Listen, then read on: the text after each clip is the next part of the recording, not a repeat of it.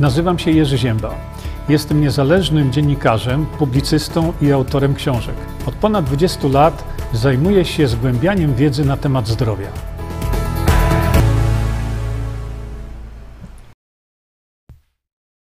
No, dobrze. I jesteśmy na biegu. E, Mój tu system pokazuje, że stream idzie i, i to idzie bardzo ładnie, E, więc e, to, co zobaczyliście, to żeście zobaczyli. Tego, co nie zobaczycie, to nie zobaczycie. Ja tylko teraz dla, mm, dla naszego takiego porządku tutaj pokażę Państwu jednak mimo wszystko naszego głównego bohatera dzisiejszego. To jest pan, który jest właśnie y, ja z jakiegoś powodu profesorem medycyny. Y, Za jego wykształcenie my żeśmy oczywiście zapłacili. To my, nigdy tego nie zapominajcie. Przypominajcie im, y, że to my żeśmy za jego wykształcenie zapłacili. Ten pan to powam, powiem wam jeszcze, to jest ten człowiek, który miał czelność mm, wysłać pana f- y, profesora Frydrychowskiego, miał czelność wysłać go na egzamin z medycyny. To jest właśnie to, to coś. No i teraz ten właśnie człowieczek, on zabawia się jak jakiś pan Bóg w lekarza i mówi, że trzeba obniżać y, cholesterol. Ja tutaj teraz Państwu przypomnę i temu panu, jest on już teraz tam, czy no? Student Filip, jak jest już? No jeśli student Filip jak już jest, to ja panu studentowi e, chciałem powiedzieć coś takiego. Szanowny panie studencie Filipiak. Otóż tak, e, niech się pan weźmie i w końcu nauczy, e, że cholesterol w organizmie człowieka jest produkowany w pewien konkretny, ściśle określony sposób. To nie jest tak o byle jak, że organizm sobie tworzy cholesterol. I tutaj dla, e, dla e, wszystkich Państwa chciałem przekazać właśnie taką informację w postaci takiego, w postaci takiego wykresu. Proszę popatrzcie, na samej górze tutaj widzicie, mm, zaczyna się tu, zaczyna się produkcja cholesterolu. I jeśli zastosujemy tutaj na tym kroku właśnie blokadę tego szlaku metabolicznego przez statyny y, pana Filipiaka, y, no to proszę zwrócić uwagę na to, na co te statyny będą miały wpływ. Bo to wcale nie jest tak, y, że te statyny to one obniżają stężenie cholesterolu. O, tak sobie wezmą i sobie obniżą. Nie, szanowny panie Filipiak, obniżenie, zatrzymanie tego szlaku metabolicznego na tym etapie, tutaj, kiedy widać to, powoduje zaburzenie produkcji całej reszty, y, całej reszty substancji bardzo dla nas ważnych, łącznie, proszę popatrzcie, y, ze skwalenem, który jest ważny. Skwalen jest bardzo, bardzo precyzyjnie kontrolowany przez nasz organizm y, i dopiero potem, na końcu tego szlaku, tworzony jest cholesterol. Ale zanim ten cholesterol będzie wytworzony, to proszę popatrzcie, wyhamowanie nie, wyhamowanie tego, zablokowanie tego szlaku metabolicznego e, ma wpływ na mewalonian, dolichol e, i tak dalej, skwalen, cholesterol, no i koenzym Q10. A przecież my wiemy, że e, koenzym Q10, szczególnie właśnie wytwarzany przez nasz organizm, to jest molekuła, która jest nam niezwykle potrzebna.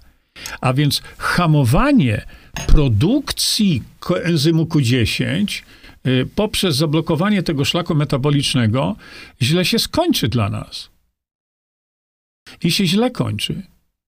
Y, No, niemniej jednak, y, ja dzisiaj chciałem się skoncentrować na y, troszeczkę czymś innym, dlatego że po pierwsze, y, sprawy dotyczące y, kłamstwa cholesterolowego, bo to jest kłamstwo, to jest oszustwo mega. Y, opisał pan doktor Uferavnskow i tutaj, i tutaj nasz uczeń Filipiak powinien się z tym zapoznać, z tą wiedzą. My za chwilkę dojdziemy jeszcze do, do jeszcze głębszej wiedzy, ale tu są takie podstawy, gdzie profesor Uferavnskow wiele lat temu pokazał, że to, o czym się mówi w tej chwili i od 50 lat o cholesterolu, to jest to zwykłe, naukowe oszustwo. Mało tego, to jest to właśnie oszustwo naukowe. I tego oszustwa dopuszczają się różni ludzie, nawet jak widzicie, e, z tytułami profesorskimi włącznie. Druga sprawa, którą chciałem tutaj mm, studentowi Filipiakowi przekazać, to jest taka, że y, w odróżnieniu od książki y, doktora Uferamskowa, na prośbę lekarzy, od razu mówię, na prośbę lekarzy, w drugiej części ukrytych terapii Wyjaśniłem tam bardzo głęboko, bardzo szeroko y, sprawy dotyczące nie tylko cholesterolu, ale sprawy dotyczące oszustwa tego cholesterolowego. Tylko tutaj, y, w tej książce, macie, szanowni państwo, masę publikacji naukowych, które ja cytuję odnośnie spraw związanych z cholesterolem. I drogi panie Filipiak, e, e, ja bardzo pana proszę, naprawdę, e, to nie są wcale żarty. Niech pan zapozna się z wiedzą. Dlatego, że Pan wiedzy, jak widać, nie ma, dlatego że opowiada Pan rzeczy dotyczące właśnie LDL, i ja to teraz postaram się Państwu chyba to pokazać. Mam nadzieję, że mi to wszystko zadziała. Tak, e, zadziała. Otóż, szanowni państwo, e, ten pan, profesorem zwany, widzicie, tutaj jest taki artykuł, profesor Krzysztof Filipiak o najnowszych wytycznych postępowania e, w dyslipidemii, prawda? I tutaj on sobie tam różne rzeczy opowiada. Ale co to znaczy wytyczne? Szanowny panie Filipiak, czy pan wie, na jakiej podstawie powstała tak zwana norma na cholesterol, czyli norma stężenia cholesterolu we krwi. Czy pan wie? Bo gdyby pan wiedział, to ze wstydem by pan chował twoją, swoją twarz. Ale jeśli pan się chce dowiedzieć, w jaki sposób doszło do tego, że ustalona została jakaś tam norma, to ja panu jeszcze raz tutaj no, odnoszę się do e, książki Ukryte terapie no, pan coś słyszał pewnie o tej książce, ale tak e, e, chyba nie za dobrze. Więc tutaj e, dla pana informacji pokazałem dokładnie i dałem dowód tego, jak to się stało, że powstało coś jak norma na cholesterol. Druga sprawa e, to chciałem pana e, studenta Filipiaka powiadomić, że LDL, o którym on się tak w mediach rozpowiada, to szanowny panie, panie Filipiak, y, pana celem jest obniżanie LDL. Dlaczego? Bo to jest ten zły cholesterol. Ale jak można opowiadać tego typu androny publicznie, mając tytuł profesorski? Bo przypomnę, panu studentowi, że LDL to jest taka sama molekuła cholesterolu, jak ta, która znajduje się w HDL. Y, jeśli pan tego nie rozumie, to bardzo proszę skorzystać z książek jakichś tam z fizjologii, biochemii, to wtedy pan zrozumie, że nie ma złego cholesterolu i nie ma dobrego cholesterolu molekuła cholesterolu jest jedna, tylko z jakiegoś powodu, jak idzie z wątroby na zewnątrz, to jest zła. A jak wraca do wątroby, ta sama molekuła, to jest dobra. Potrafi pan to wytłumaczyć? Natomiast y, tu y, ten pan y, propaguje leczenie miażdżycy, obniżając stężenie cholesterolu LDL, który jest częścią układu odpornościowego. W związku z tym logika mówi tak: jeżeli LDL jest częścią układu odpornościowego, to obniżanie tego LDL jest pomysłem chorym. Dlatego pan, panie Filipiak, no niech pan to wytłumaczy. Skoro molekuła, która ma podstawowe działanie właśnie w, w funkcjonowaniu układu, e, układu odpornościowego, jest tak dla nas bardzo ważna, a pan ją chce obniżać? Na jakiej podstawie? A, no właśnie, na podstawie braku wiedzy. Dlaczego? Bo pan Filipiak y, mówi cały czas, że ten LDL to jest cholesterol zły. Podczas gdy czegoś takiego nie ma. A teraz pokażę Państwu właśnie, jakie to przybiera dalsze konsekwencje, bo to naprawdę nie są żarty, bo mamy do czynienia z, ze zdrowiem człowieka. E, przypomnę panu e, studentowi, bo to tu jest, to jest studia, tu się pan Filipiak uczy. E, przypomnę panu, że dr Ufer Avzkow dawno, i to już będzie ponad 20 parę lat temu, mm, Byłem u niego w domu w Szwecji, pojechałem tam porozmawiać z nim, kiedy tłumaczyłem jego książkę. I on powiedział wyraźnie, że prowadzili badania wtedy, to ja mówię dwadzieścia parę lat temu, gdzie prowadzili badania na zwierzętach, gdzie zwierzęta zakażali jakimś patogenem, a potem tym zwierzętom podawano ludzki LDL. I zwierzęta zdrowiały, pozbywały się infekcji. A my teraz mamy do czynienia z potężną ilością osób z różnymi infekcjami, a pan w sposób sztuczny każe obniżać tę molekułę, która ma podstawowe znaczenie w funkcjonowaniu układu odpornościowego. My tutaj uczymy prawidłowych rzeczy. Natomiast czego tam pana uczono i co pan z kolei uczy swoich studentów, to podejrzewam jest absolutny dramat. Druga sprawa. Y, y, Dr Uwe Ravnskow niedawno zresztą napisał wspaniałe, y, wspaniałą publikację, gdzie pokazuje się, że ludzkie LDL podaje się dożylnie ludziom w przypadku różnego rodzaju zakażeń i ludzie zdrowieją. kiedyś podawano y, zwierzętom, a teraz w ramach e, badań naukowych y, podaje się LDL ludziom. Ludziom, którzy cierpią z powodu jakiejś infekcji. Działanie LDL jest natychmiastowe. A pan mówi, żeby to w sztuczny sposób obniżać, to czy pan rozumie, jaką rolę w organizmie odgrywa LDL? Jaką rolę w, w funkcjonowaniu układu odpornościowego y, ma LDL? Z wypowiedzi pana wynika, że pan tego nie wie. Ale, szanowni państwo, zanim dojdę jeszcze do klus sprawy, to jeszcze popatrzmy sobie. Y, to już będzie e, no, 4 lata temu. Pani Katarzyna Pinkosz z wprost, oczywiście, jak inaczej, e, napisała coś takiego.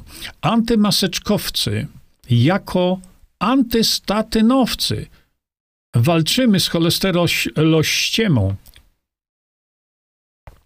No, przydałoby się, żeby ka pani Katarzyna Pinkosz zapoznała się z prawdziwą wiedzą no i teraz sobie tutaj przejdźmy powoli do tego, co wydziwia e, student Filipiak. Student Filipiak powiedział tak: Wysokie stężenie cholesterolu zabija. Słuchajcie, Filipiak. Podejdźcie tutaj do tablicy. Uzasadnijcie to stwierdzenie bo walnęliście, słuchajcie, e, takiego knota to jest taki szmatławiec, ale walnęliście takiego knota, mówiąc publicznie, że wysokie stężenie cholesterolu zabija. A ma pan, drogi panie studencie, jakiś dowód na to? Bo dowody, jakie są, ja je opublikowałem w, właśnie w drugiej części ukrytych terapii. Wyraźnie mówią, że jest akurat dokładnie odwrotnie. I to nie wynika z tego, jak pan sugeruje, zaraz do tego sobie dojdziemy, że Jerzy Zięba sobie coś tam wymyślił. Nie, to wynika z publikacji naukowych, to wynika z badań w Massachusetts. Pamięta pan to? W ogóle wie pan, że takie badania były prowadzone przez tam około 40 lat? Y, w drugiej części ukrytych terapii wyraźnie pokazałem badania, wyraźnie mówiące o tym, że y, nie ma różnicy pomiędzy osobami, które mają wysokie stężenie cholesterolu i osobami, które mają niskie stężenie cholesterolu. Widział pan te publikacje? No trzeba się zapoznać z wiedzą, drogi panie. A nie opowiadać ludziom, że wysokie stężenie cholesterolu zabija. To jest kłamstwo. To jest kłamstwo i to bardzo łatwo można udowodnić. Idziemy sobie dalej. E, choć codziennie słyszymy, że to cholesterolościema. No, to zaraz do tego dojdziemy. Ale Ziemia nie jest płaska, no, są znaki zapytania tutaj. Uwaga. Szczepionki nie powodują autyzmu. To skąd się wziął studencie Filipiak, skąd się wziął wyrok w Stanach Zjednoczonych, gdzie w Sądzie Powszechnym Stanów Zjednoczonych udowodniono to, że szczepionka u jednego z dzieci spowodowała autyzm. Wyrok sądu, szanowny panie, to nie ja mówię, to mówi Sąd Powszechny, jeśli dobrze pamiętam, stanu Tennessee. A więc y, wychodząc publicznie, mówiąc tego typu rzeczy, to ktoś, kto ma tytuł profesora, powinien przynajmniej odrobinę się zastanowić. A nie szafować kłamstwem, ohydnym kłamstwem na ten temat, bo to jest kłamstwo. Ale idźmy sobie dalej. Popatrzmy sobie, co ten człowiek jeszcze tam publicznie mówi, nie? Bo szczepionki nie powodują autyzmu. Szanowny panie, ja mam 144 publikacje, które mówią, że tak. No a ten wyrok sądowy to jest wyrokiem sądowym. Chciałem jeszcze Państwu tutaj pokazać właśnie.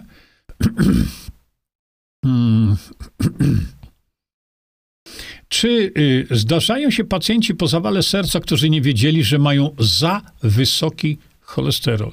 Niestety większość. E, Większość osób, które przeszły zawał, nie wiedziały, że mają za wysoki cholesterol, nie robili wcześniej badań. Nikt im tego nie zaproponował. No i sobie tutaj pan e, profesor e, Banialuki opowiada. Być może wynika to również z faktu, że dla każdego indywidualnie trzeba ustalić górną granicę stężenia tak zwanego złego cholesterolu. E, studencie Filipiak, nauczcie się trochę, i naprawdę weźcie sobie do serca to, co mówi biochemia człowieka, e, to, co mówią publikacje naukowe, które mówią wyraźnie. Organizm człowieka sam sobie steruje tym wszystkim. Jemu nie trzeba żadnych tabletek, żadnych statyn. On sobie sam tym steruje. Podkreślam, badania naukowe, które opublikowałem, wskazują jednoznacznie, że czy ktoś ma wysoki, czy niski cholesterol, nie ma najmniejszego znaczenia.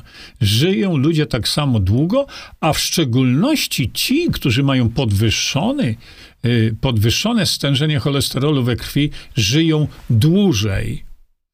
I tu chcę wrócić jeszcze do jednej takiej zasadniczej sprawy.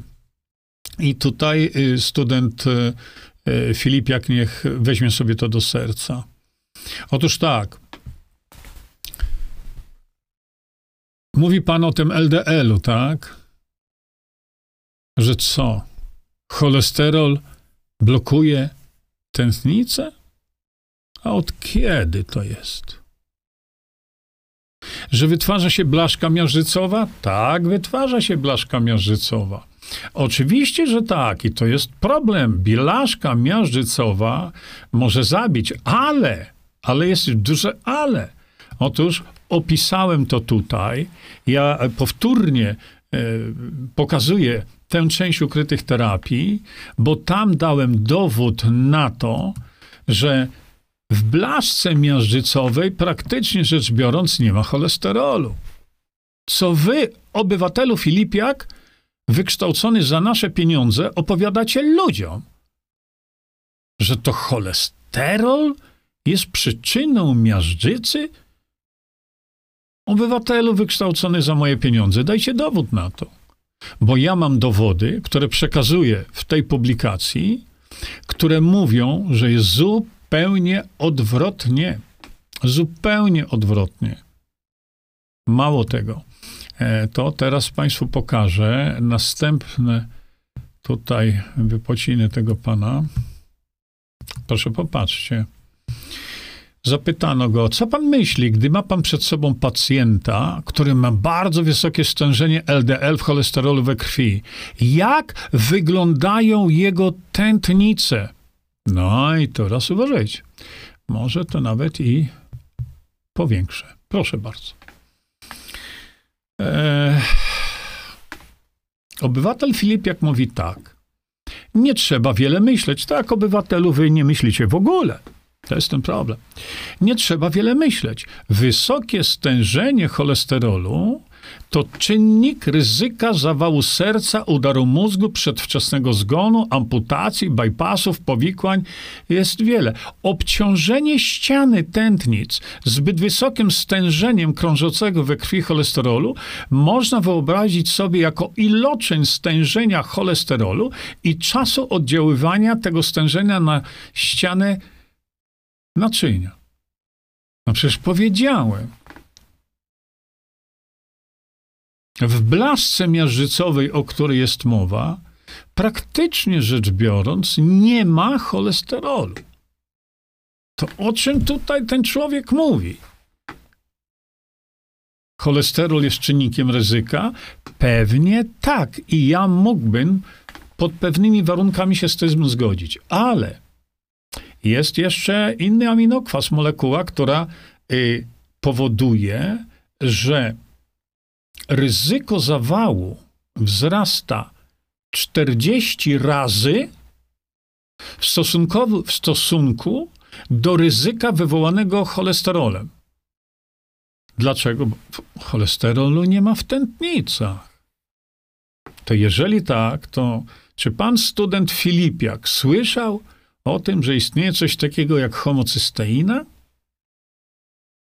Czy student Filipiak słyszał o tym, że bez względu na to, jak, niski będzie, jak niskie będzie stężenie cholesterolu we krwi, a będzie wysokie stężenie homocysteiny we krwi, będzie zawał. No i co teraz?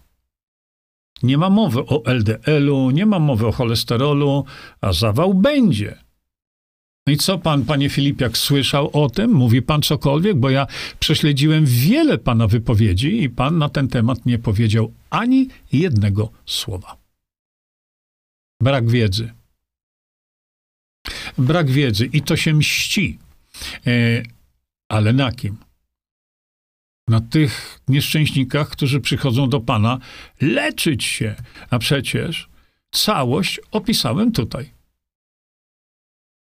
I tu ma pan podane na tacy, o co tutaj chodzi. Wystarczy zasięgnąć wiedzy, że w stosunku do cholesterolu, jego stężenia we krwi, jeżeli przyjąć to jako punkt odniesienia ryzyka wystąpienia miażdżycy, cholesterol, to homocysteina jest 40 razy większym czynnikiem wywołującym miażdżycę. Pan, panie Filip, jak o tym wie? Bo ja wiem. Nie jestem lekarzem, broń Boże, ale wiem. A pan przekazuje tę wiedzę swoim studentom, że czterdziestokrotnie nie większym czynnikiem e, wywołującym miażdżycę, czynnikiem ryzyka wywołującym miażdżycę jest homocysteina? Czy pan kiedykolwiek zlecił komukolwiek zbadanie stężenia homocysteiny? Czy pan się zapoznał w ogóle z tym, jaki powinien być właściwy poziom homocysteiny, żeby ta homocysteina nie zrobiła czegoś, co spowoduje miażdżycę. A co ona zrobi? No więc ja tu panu y, z tytułem profesora wyjaśniam, że tu chodzi o stan zapalny. Czyli zwiększone stężenie homocysteiny, jak pokazał no, Kilmer McCallie. Miałem przyjemność rozmawiania z nim. A pan z nim rozmawiał może z Kilmerem McCallie? Panie Filipiak, poważnie? Rozmawiał pan kiedyś? Przedyskutował pan to zagadnienie? Bo ja z Kilmerem to przedyskutowałem. Mówiliśmy o normach idiotycznych w Polsce wyssanych z palca. Absolutnie wyssanych z palca. Ale ja tylko zadaję panu pytanie, czy coś pan wie na temat tego, że homocysteina jako czterdziestokrotnie większy czynnik e, ryzyka musi być kontrolowana. Czy pan, tak jak mówię, zleca badanie stężenia homocysteiny, a przecież homocysteina właśnie, no nie sama może ona sama, ale y, substancje, które powstają w naszym organizmie pod wpływem wysokiego stężenia homocysteiny, co zrobią z tętnicami? Pan, panie Filipiak, wie, co zrobią? Doprowadzą do stanu zapalnego. Jeśli będzie stan zapalny w tętnicach, będzie rozwijać się miażdżyca. I szanowni panie, niech pan sobie to wbije jakimś wielkim młotem do głowy. Jeżeli w tętnicach człowieka nie ma stanu zapalnego, to nie ma możliwości powstania miażdżycy u tego człowieka. Jeszcze raz. Jeżeli w tętnicach zdrowego człowieka nie ma stanu zapalnego, to nie ma takiej możliwości, żeby u tego człowieka powstała miażdżyca. Coś takiego nie istnieje. LDL? No, LDL może być przyczyną miażdżycy, ale tylko w jednym przypadku że jest utleniony. Zniszczony ten LDL wolnymi rodnikami. To czy pan wie o tym, jak usunąć z organizmu wolne rodniki? I co jest takim, y, taką substancją, która w milisekundy po kontakcie z wolnym rodnikiem neutralizuje wolny rodnik? Słyszał pan o witaminie C? No pewno nie. Otóż, szanowny panie, jest tak, że jeżeli w organizmie człowieka mamy odpowiednią ilość przeciwutleniaczy, to nie dojdzie do utlenienia LDL. W związku z tym, jeśli mamy odpowiednie stężenie przeciwutleniaczy, to nie ma zagrożenia miażdżycą. Ale co zrobić, żeby to stężenie przeciwutleniaczy utrzymywać? No trzeba brać regularnie y, witaminę C. Można oczywiście witaminę C brać z substancji naturalnych. Ja się z tym zgadzam.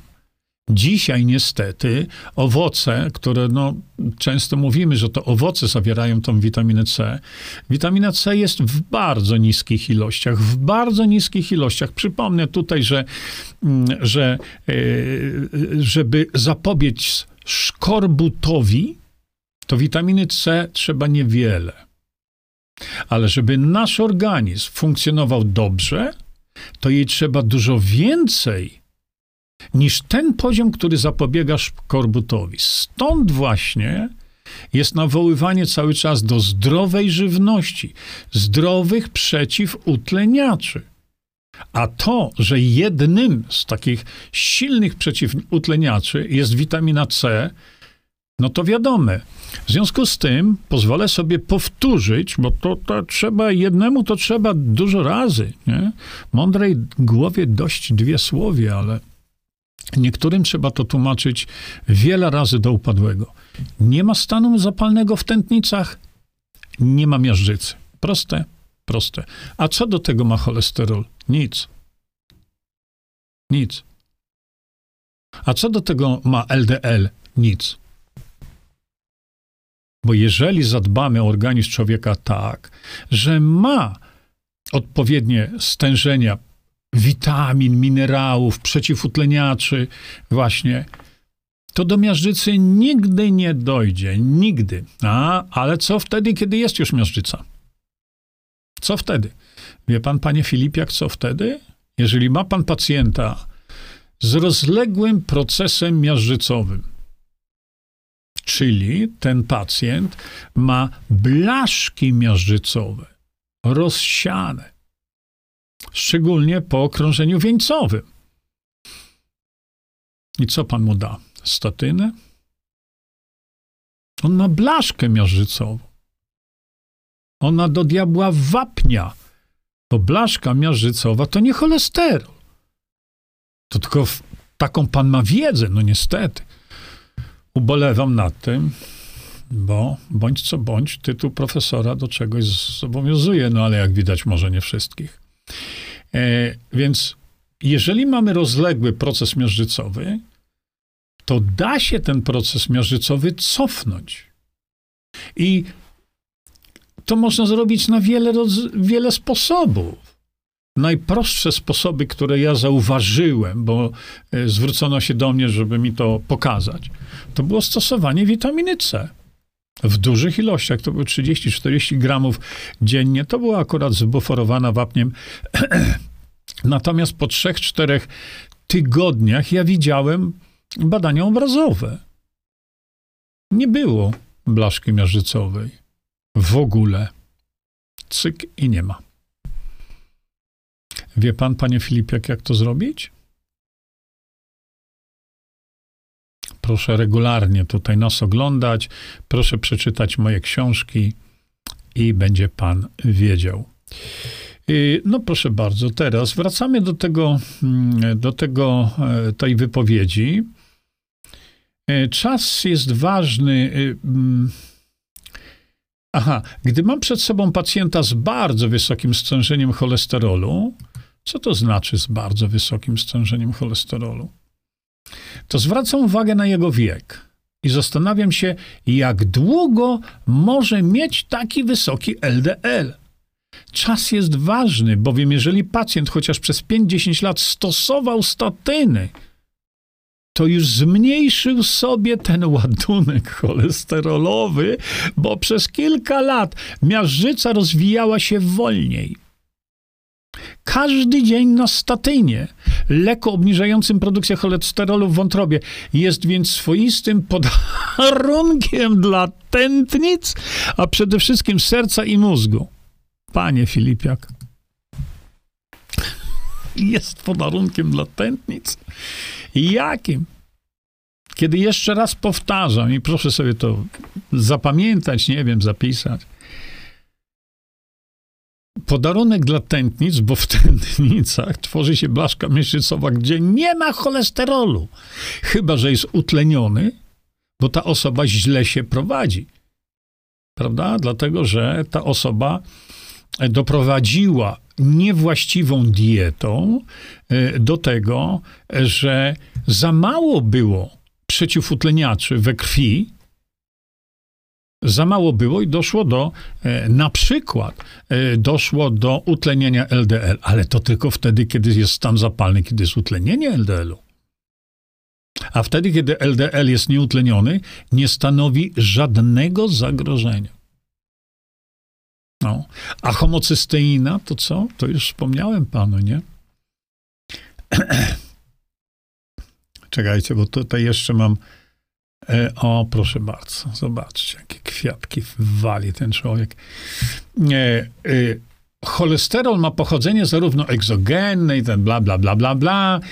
Spośród wielu frakcji cholesterolu najbardziej niebezpieczny jest LDL. A teraz uwaga, teraz uważajcie, zamieńcie się w słuch. Po utlenowaniu przedostaje się do ściany na, naczyniowej naszych tętnic i zaczyna budować blaszki miażdżycowe. Czyli co? Szanowny pan Filipiak potwierdził to, co ja przed chwilką powiedziałem. To zostało potwierdzone przez niego samego.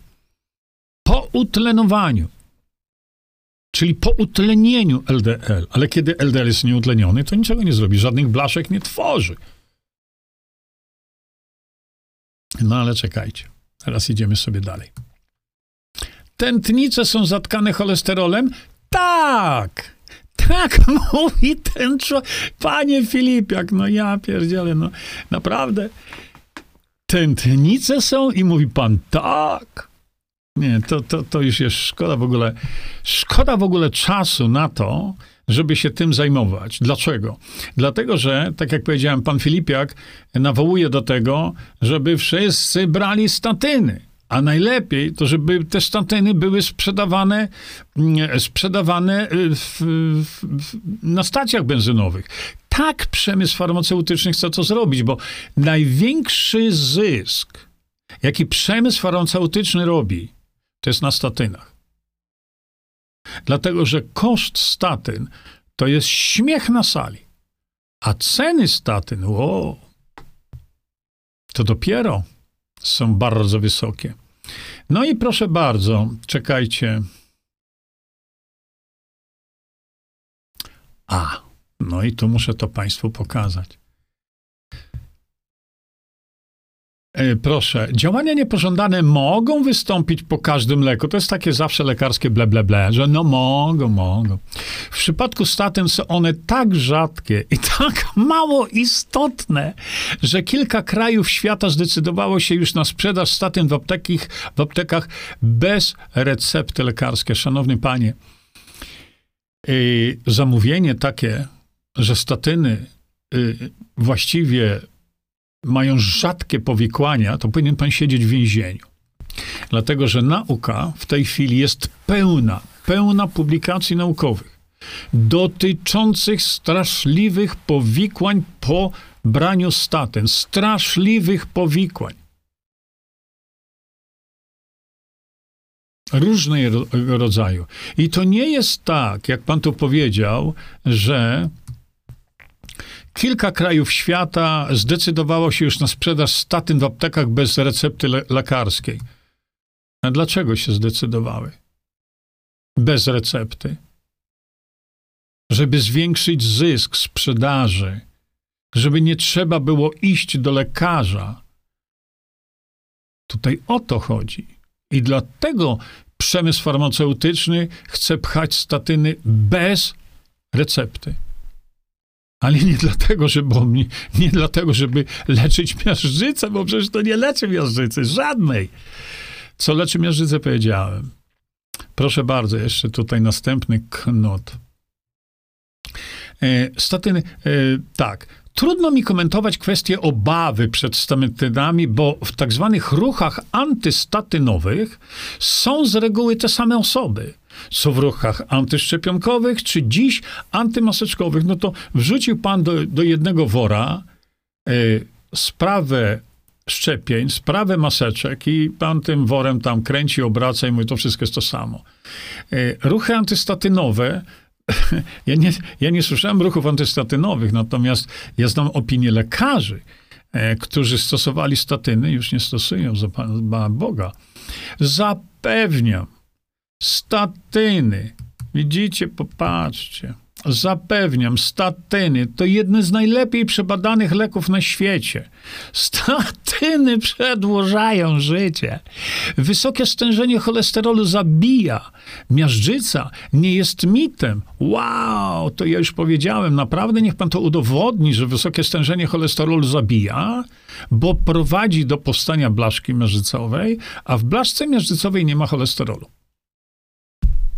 Gdzie rozum, gdzie logika? No nie ma. ani rozumu, ani logiki. Czekajcie, tu jeszcze powiedział właśnie e, e, tym całym autyzmie, a teraz popatrzcie jeszcze dalej. Nowa moda w epidemii. Kim są antymaseczkowcy? Ludźmi, którzy wiedzą, szanowni panie, taką prostą rzecz, której pan jako profesor medycyny nie wie, ale to ja tu jestem po to, żeby panu wytłumaczyć. Otóż, szanowny panie, zakładając, że istnieje wirus, bo widział pan tego wirusa? Zakładając, że istnieje taki patogen, to naukowcy dzisiaj wiedzą bardzo precyzyjnie i dokładnie, że ten wirus, załóżmy, że taki istnieje, przechodzi przez błonę śluzową oczu, uszu i przepięknie przechodzi przez skórę. I pan z tytułem profesora publicznie mówi, zakłóżcie sobie szmatę na gębę, to to was ochroni przed wirusem. Jezu, ja po prostu nie mogę, że ja za pana studia zapłaciłem, bo że nie mogę tego przeżyć. Nowa moda w epidemii, kim są anty i tak dalej. Maseczka to wychnięcie, ale nie o tym mówimy, nie o tym mówimy. No i teraz, szanowni państwo, y, ta, wróćmy y, do skutków tych dyskusji. Czy widzi pan pacjentów po zawale serca, którzy nie stosowali statyn, choć mieli je zalecane? I teraz uważajcie, zamieńcie się w słuch. Tak, z reguły przy ich drugim zawale serca, udarze mózgu czy operacji rewaskularyzacyjnej, e, krążenie, żeby odtworzyć, często były to ofiary lektury książki Jerzego Z. Ukryte terapie, czego ci lekarz nie powie. No nie powie ci tego Filipiak. Spiskowa teoria dziejów ma w tym względzie wiele, wiele ofiar. No, a tutaj są jeszcze ukryte terapie, ukryte zyski. Jak ja bym wam powiedział, Tomasz Kalita, bym powiedział, jaka była prawda, to co wprost napisał o mnie, ha, ha, ha, to by nam szczęki pospadały, jaka była prawda dotycząca śmierci Tomasza Kality. Ale nie, nie to jest te, tematem dzisiejszej rozmowy, także widzicie, tak z reguły właśnie. To, to są te ofiary. Ofiary wiedzy przekazywanej przeze mnie przez lata wiedzy dotyczącej cholesterolu, wiedzy y, od ludzi, którzy mają y, daleko większe doświadczenie i wiedzę i nie biorą kasy. Nie biorą kasy. Doktor Uwe Rabnskow, y, doktor Kilmer Makali, to są lekarze, którzy, y, którzy nie są odporni na działanie kasy.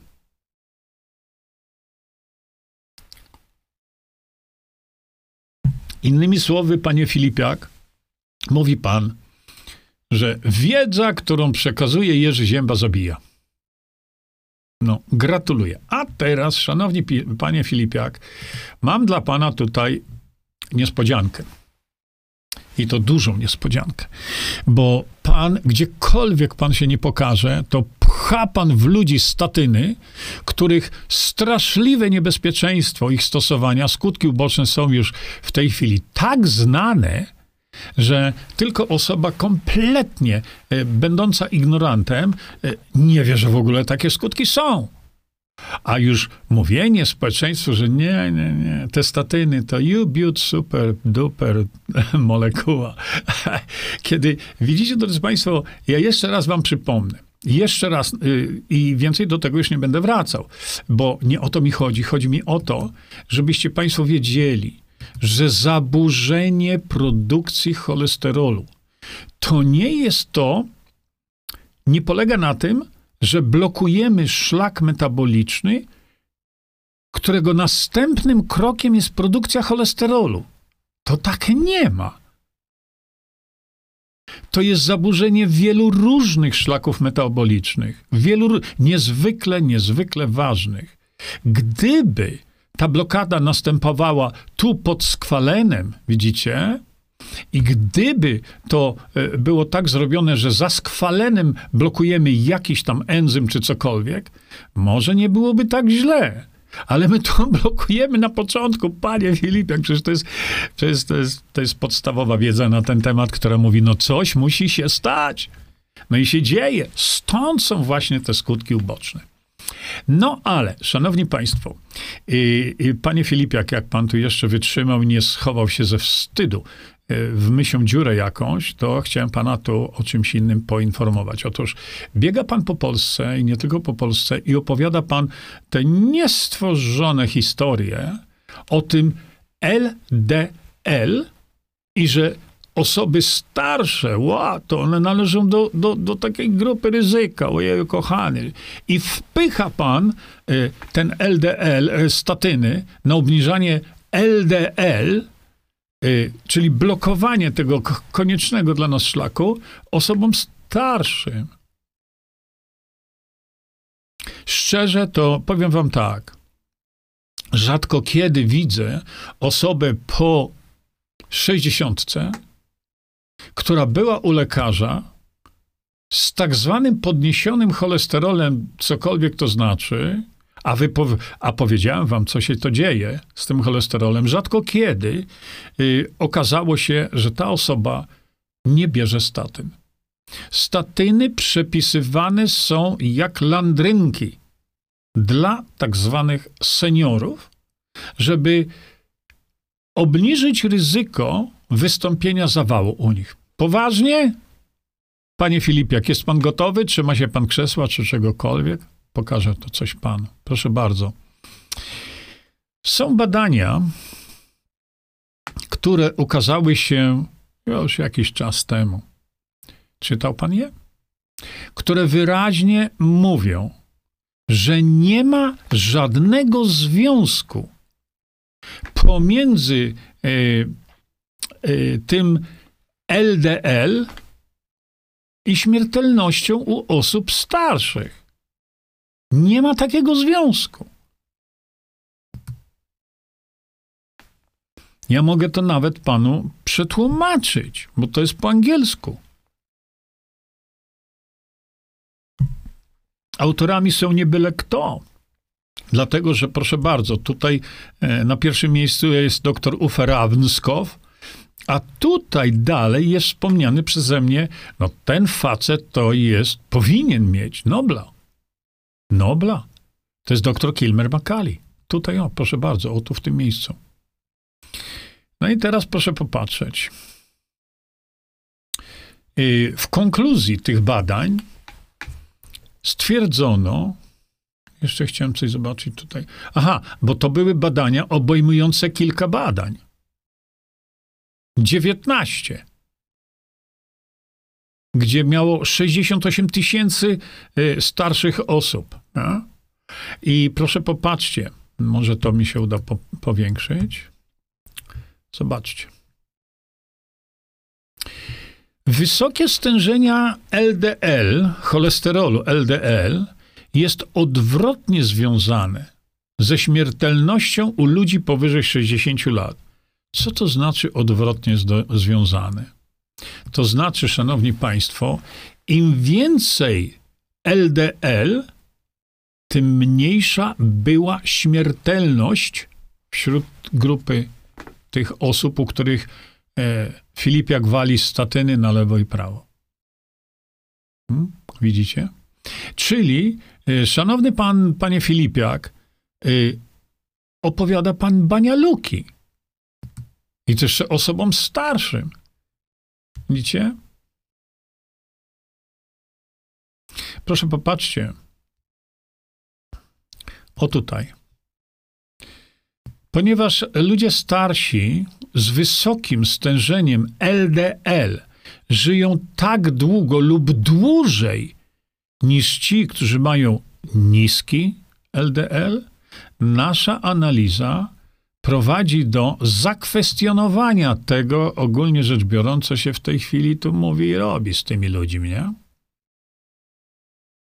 No i oczywiście tam oni mówią, nasze badania wskazują na to, żeby doprowadzić do ponownej reewaluacji tych bzdur, które zwane są rekomendacje.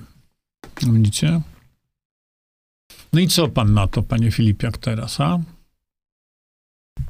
Przecież to jest y, strzał taki prosto w pana umysł, oko, cokolwiek. zaprzecza to wszystkiemu, co Pan mówi ludziom starszym odnośnie brania statyn. Kiedy wyraźnie wskazano w tej metaanalizie, że ludzie z wysokim stężeniem LDL e, żyją tak samo długo lub dłużej niż ludzie ze, z niskim stężeniem, a pan chce doprowadzić do niskiego stężenia. Kim pan jest?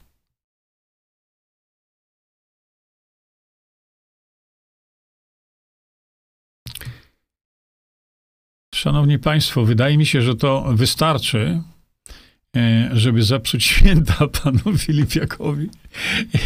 Jemu świąt nie zepsujemy, nie, nie, nie. Bo tam przyjdzie walec i wyrówna to wszystko. Natomiast ja się zastanawiam tak e, cały czas e, nad jedną taką rzeczą. Dlaczego ja o tym wiem?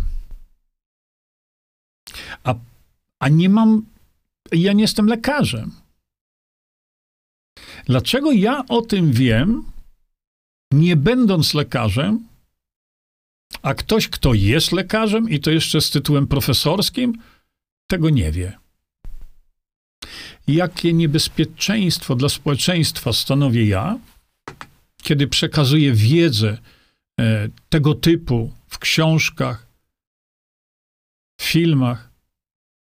I jakie niebezpieczeństwo dla społeczeństwa stanowi człowiek, który opowiada tego typu rzeczy, bez żadnego uzasadnienia. A już klasycznym przykładem braku wiedzy tego człowieka to jest mowa, że cholesterol jest groźny dla tętnic. Niewyobrażalna rzecz, pluje sobie w brodę, jak ja mogłem za studia tego pana zapłacić. Nie wiem. Jest knot nad knotami. Szanowni Państwo, dziękuję Wam za uwagę. Muszę się z Wami już tym tutaj pożegnać. I jeszcze jedną rzecz e, Państwu powiem w takim razie, bo to jest, w tej chwili mi się to przypomniało i to jest ważne. Otóż, Szanowni Państwo, ja to w tej chwili przygotowuję na e, innej części mojego monitora, ale zróbmy sobie to, wiecie, razem Panie Filipiak, jest pan tam jeszcze, czy już pan płacze w kąciku gdzieś, łuka? Szanowni Państwo, wejdźcie sobie tutaj na moją stronę internetową i tutaj w tej zakładce, o, akurat jest ta nasza w tej chwili transmisja, wpiszcie, to w TV, w TV, Jerzy Zięba TV, wpiszcie sobie cholesterol, Proszę bardzo. E, to z prawej strony to zignorujcie, bo to była ta nieudana próba transmisji. Szanowni Państwo, macie tutaj teraz, zobaczcie, od początku. Cholesterol, fakty i mity, cholesterolowe kłamstwo numer dwa, cholesterolowe kłamstwo numer trzy, cholesterolowe kłamstwo numer cztery, gdzie mówię o tym wszystkim, co teraz wspomniałem. Cholesterolowe oszustwo, oszustwo część dwa, oszustwo część trzy, oszustwo część cztery. Popatrzcie. Macie troszeczkę czasu. Skonfrontujcie y, to, co pokazuje y, pan Filipiak. Skonfrontujcie z faktami naukowymi. Macie to przed sobą.